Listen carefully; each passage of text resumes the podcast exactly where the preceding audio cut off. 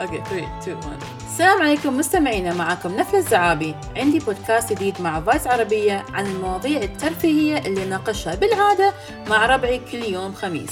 حكون صريحة. شوفي أنا بالنسبة إلي يعني السؤال الأكبر كان هل في Snyder Cut ولا لا؟ هل تقدر تعيش في الظروف الصارمة اللي يمر فيها نجوم الكيبوب؟ بيكون في شروط جدا صعبة.